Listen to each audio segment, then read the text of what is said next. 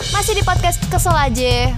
Hmm, orang tuh ngapain sih curhat-curhat, minta saran, terus giliran gue udah kasih saran malah nggak dipakai sama dia.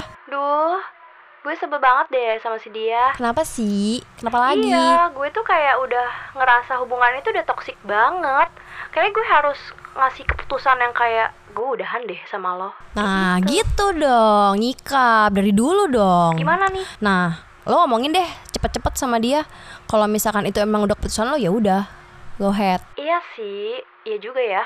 Yaudah deh gue coba deh, nanti gue ngomong sama dia. Tapi berapa hari kemudian, Eh, eh, eh, gue harus gimana nih? Gue udah toksik banget. lah ini lagi kasusnya. Kan kemarin udah bilang mau udahan, kok balikan lagi sih? Ya, abis gimana? Abis kan cayang. Ah, bucin. Terus tujuan lo apa kemarin curhat-curhat, minta ditanggepin, minta dukungan? Biar apa sih? Biar orang-orang tahu kalau lo punya masalah.